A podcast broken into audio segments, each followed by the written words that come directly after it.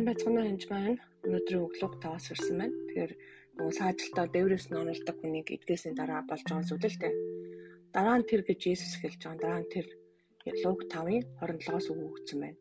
Дараа нь тэр гарч явсан татвар багч Ливаг гэж хүнийг татврын газар сухыг хараад намайг даг гэж түн хэлэхэд тэр Ливаг гэж хүн татвар хурагч байгаа. Ромын үед еврейчүүдээс татвар хаадаг гэсэн үг. Эдөөчүүдээс Тэгэхээр эдээчдээс сатур баадаг болохоор эдээчүүд тийм дуртай байгаагүй энэ хүнийг мөн хүн буюу одоо нийгмээс гадуурх эдээж тэр хүнийг баг эдвэ биш гэнтэр гэж үздэг байсан. Аав ээжинч дурггүй баг л тийм хүн байсан ба найз нөхөд байхгүй байр нь хэдэн татвар авч хүмүүс л байгаа. Ромын харин зэргүүдтэй найз байж магадгүй.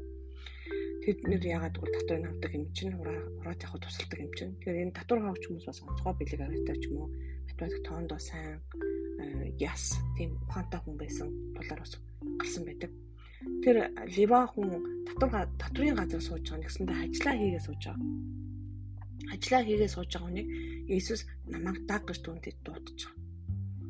Тэгэхээр тэгээ тэр хамаг юм ардаа орхон бос түүнийг даглаа. Эд ажлын дундуур чинь юм хийгээ байжсэн чинь чамайг даг гэж Иесус заримдаа биднийг хэлдэг. Тэр өдөр харин хамаг юм орхоод босч байгаа. Түүний хамаг юм орхиж босдог гэхдээ би үнэхээр дуртай ямар хүн ингэж хийж чадах вэ?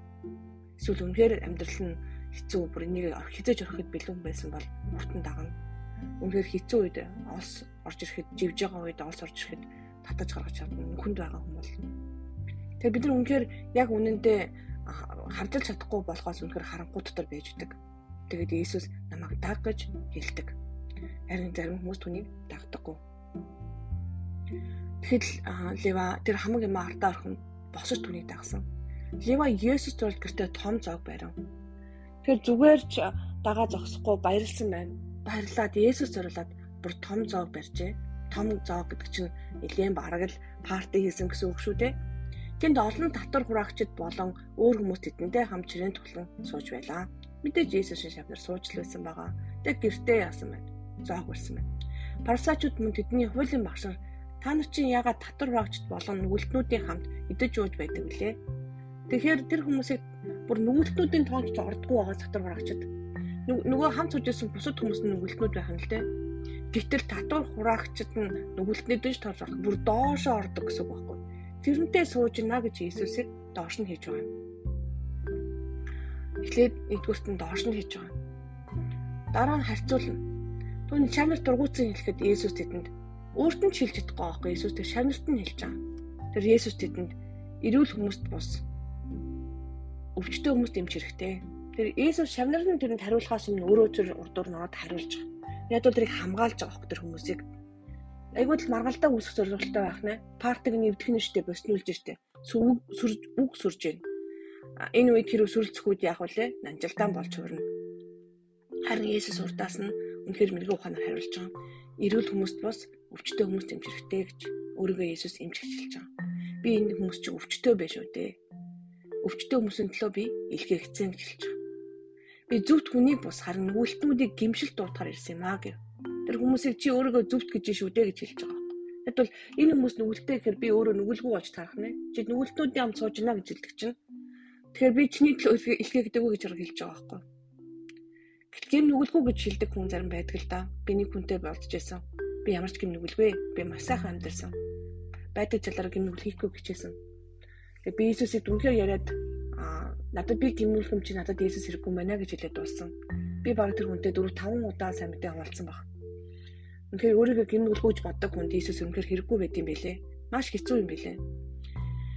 Тэгээ 33 дугаар шилтер тэр түнд Иохан Иохны тэд нөгөөсө парсажууд хэлж байгаа байхгүй. Иохны шавнар байнга мацаг бод залбирлаар өргөдөг парашютууд шамнар ч юм уу адил үлддэг. Тэгэхээр бид нар бол мацаг барьдаг лаг усууч үдэ залбирлууд. Та нар яаж ийн партад жиш үдэ гэж Иесусыг буруутгах жаа. Харьцуулж байгаа юм бас. Харин таных идэж ууцгах юм гэсэн Иесус тэдэнд шин түрүүнийг байхад нь та нар хүргний бараа болгочдаг мацаг бариулж болохгүй үсттэй. Харин тэр өдрүүд ирнэ. Шин хүргэн тэднээс аваач өдрүүдэд тэд мацаг барьнаа гэв. Тэгээд тэр мөн тэдэнд хандаа нэгэн сургаал зүрлэлээр хин шин дээлээсээ урж аваад хуучин дээлээ нүгдэггүй. Тэгвэл тэр шинэ урахт болно. Шинэ хуучинд үл зогцноо гэж хэлж байна. Тэг хин шин дарсыг хуучинд тулманд хийдэггүй. Тэгвэл шин дарс тулмаа зад тавина. Дарс асгаж туламж хэрэггүй болно гэж. би үнэхээр шин гэрээ байгуулах гэж ирсэн юм аа гэж хэлж байгаа.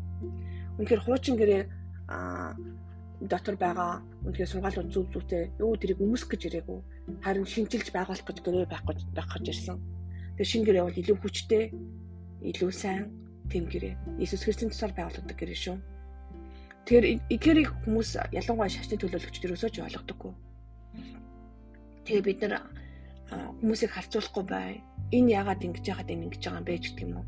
Одоо бид нар мацаг барилтын 40 хоног ихэнх итгэж нар энэ үед мацаг барьж байгаа. Аа тэгтээ та мацгийг заавал эзэнс асуугаад хөнгөн байдлаар барьсан ч болно шүү. Тэгээд мацаг барилтын хамгийн чухал нь бас залбирал шүү. Эзэн рүү ойртож өөрийгөө анхаарж миний тань таалагдахгүй юу байна гэж өөрлөгөө сайн хөнгөж асуугаараа. Тэгээд өөр дээр ач холбогдол өгөхөөсөө гал илүү бурханд илүү Есүст илүү ач холбогдол өгөө. Яг бол гэрэлд гарах үед таны харанхуй таны харанхуй хар толбууд ишигддэг байж байгаа шүү. Гэт Есүсийг хараараа энд байж байгаа ишлүүдээс уншаад бас өөрийгөө хараад надад бас юм байх үедээ би хүмүүсийг харьцуулах үедээ би хүмүүсийг шүүх үедээ гэж хараад хэрэг шүүдэг байсан бол гимшээд харьцуулж байсан бол гимшээд бурхан танд үнэхээр хайртай бурхан гим нүгэлтнүүдийн ханаас ирсэн бурхан өвчтөө хүмүүний ханаас ирсэн. Энд шүү дээ гэдгийг сайн ойлгоорой